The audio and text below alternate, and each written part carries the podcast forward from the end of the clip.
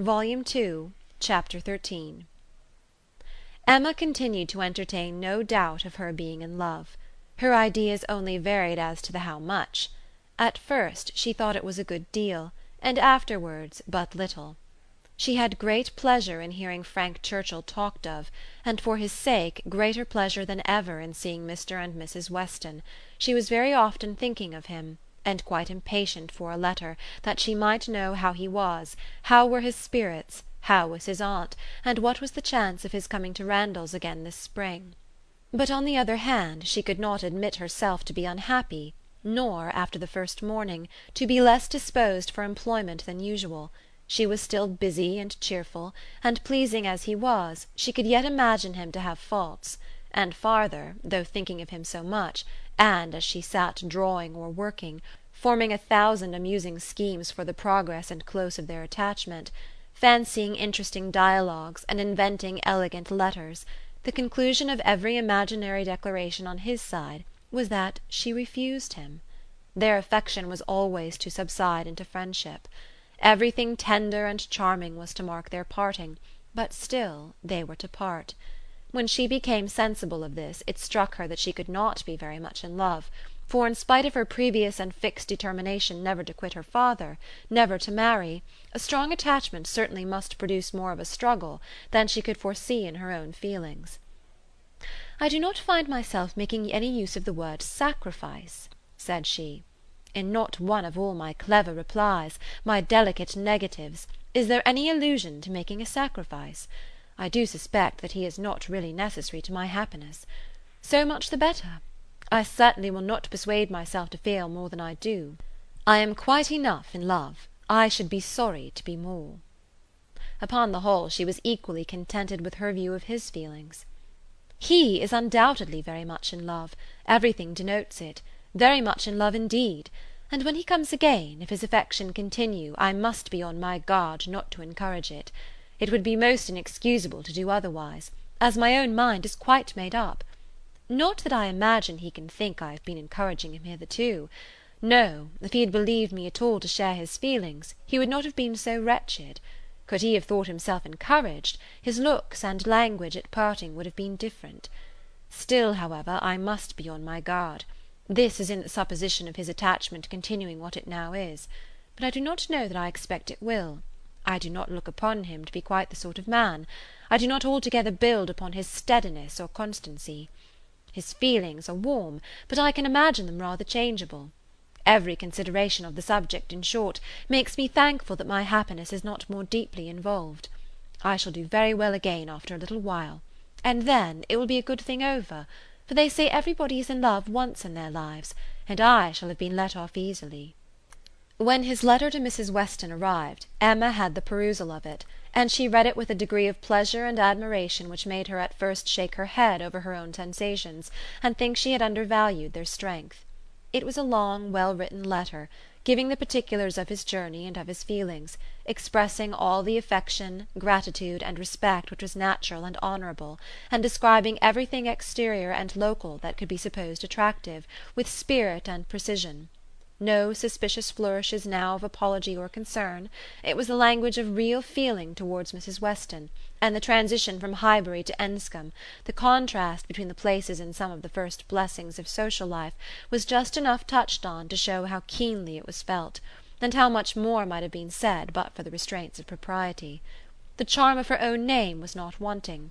Miss Woodhouse appeared more than once, and never without a something of pleasing connection either a compliment to her taste, or a remembrance of what she had said, and in the very last time of its meeting her eye, unadorned as it was by any such broad wreath of gallantry, she yet could discern the effect of her influence, and acknowledge the greatest compliment perhaps of all conveyed. Compressed into the very lowest vacant corner were these words: "I had not a spare moment on Tuesday, as you know, for Miss Woodhouse's beautiful little friend. Pray make my excuses and adieus to her. This, Emma could not doubt, was all for herself; Harriet was remembered only from being her friend. His information and prospects as to Enscombe were neither worse nor better than had been anticipated. Mrs. Churchill was recovering, and he dared not yet, even in his own imagination, fix a time for coming to Randalls again. Gratifying, however, and stimulative as was the letter in the material part, its sentiments she yet found, when it was folded up and returned to Mrs. Weston, that it had not added any lasting warmth, that she could still do without the writer and that he must learn to do without her. Her intentions were unchanged. Her resolution of refusal only grew more interesting by the addition of a scheme for his subsequent constellation and happiness. His recollection of Harriet, and the words which clothed it, the "beautiful little friend," suggested to her the idea of Harriet's succeeding her in his affections. Was it impossible? No.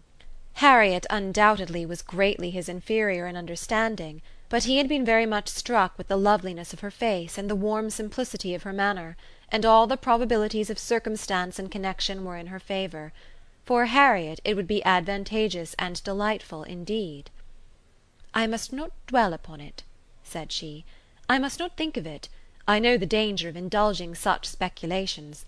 But stranger things have happened; and when we cease to care for each other as we do now, it will be the means of confirming us in that sort of true disinterested friendship which I can already look forward to with pleasure." It was well to have a comfort in store on Harriet's behalf, though it might be wise to let the fancy touch it seldom, for evil in that quarter was at hand. As Frank Churchill's arrival had succeeded Mr. Elton's engagement in the conversation of Highbury, as the latest interest had entirely borne down the first, so now, upon Frank Churchill's disappearance, Mr. Elton's concerns were assuming the most irresistible form. His wedding day was named; he would soon be among them again, Mr. Elton and his bride. There was hardly time to talk over the first letter from Enscombe before "Mr. Elton and his bride" was in everybody's mouth, and Frank Churchill was forgotten. Emma grew sick at the sound. She had had three weeks of happy exemption from Mr. Elton, and Harriet's mind, she had been willing to hope, had been lately gaining strength. With Mr. Weston's ball in view at least, there had been a great deal of insensibility to other things but it was now too evident that she had not attained such a state of composure as could stand against the actual approach new carriage, bell ringing, and all. Poor Harriet was in a flutter of spirits which required all the reasonings and soothings and attentions of every kind that Emma could give. Emma felt that she could not do too much for her, that Harriet had a right to all her ingenuity and all her patience; but it was heavy work to be for ever convincing without producing any effect for ever agreed to, without being able to make their opinions the same. Harriet listened submissively, and said, "It was very true. It was just as Miss Woodhouse described. It was not worth while to think about them, and she would not think about them any longer." But no change of subject could avail, and the next half hour saw her as anxious and restless about the Eltons as before. At last Emma attacked her on another ground. Your allowing yourself to be so occupied and so unhappy about Mr. Elton's marrying Harriet is the strongest reproach you can make me. You could not give me a greater reproof for the mistake I fell into. It was all my doing, I know. I have not forgotten it, I assure you. Deceived myself, I did very miserably deceive you. And it will be a painful reflection to me for ever. Do not imagine me in danger of forgetting it." Harriet felt this too much to utter more than a few words of eager exclamation. Emma continued. I have not said exert yourself, Harriet, for my sake.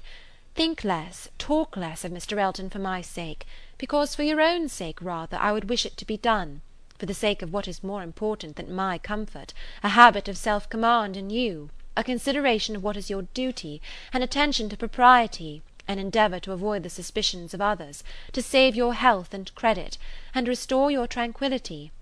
These are the motives which I have been pressing on you.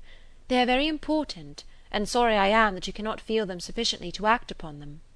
My being saved from pain is a very secondary consideration. I want you to save yourself from greater pain.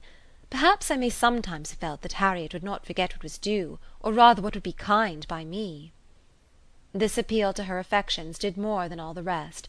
The idea of wanting gratitude and consideration for Miss Woodhouse, whom she really loved extremely, made her wretched for a while, and when the violence of grief was comforted away, still remained powerful enough to prompt to what was right and support her in it very tolerably. "You, who have been the best friend I ever had in my life, want gratitude to you! Nobody is equal to you. I care for nobody as I do for you. Oh, Miss Woodhouse, how ungrateful I have been!" Such expressions, assisted as they were by everything that look and manner could do, made Emma feel that she had never loved Harriet so well nor valued her affection so highly before. "There is no charm equal to tenderness of heart," said she afterwards to herself. "There is nothing to be compared to it. Warmth and tenderness of heart, with an affectionate open manner, will beat all the clearness of head in the world for attraction, I am sure it will. It is tenderness of heart which makes my dear father so generally beloved, which gives Isabella all her popularity. I have it not; but I know how to prize and respect it.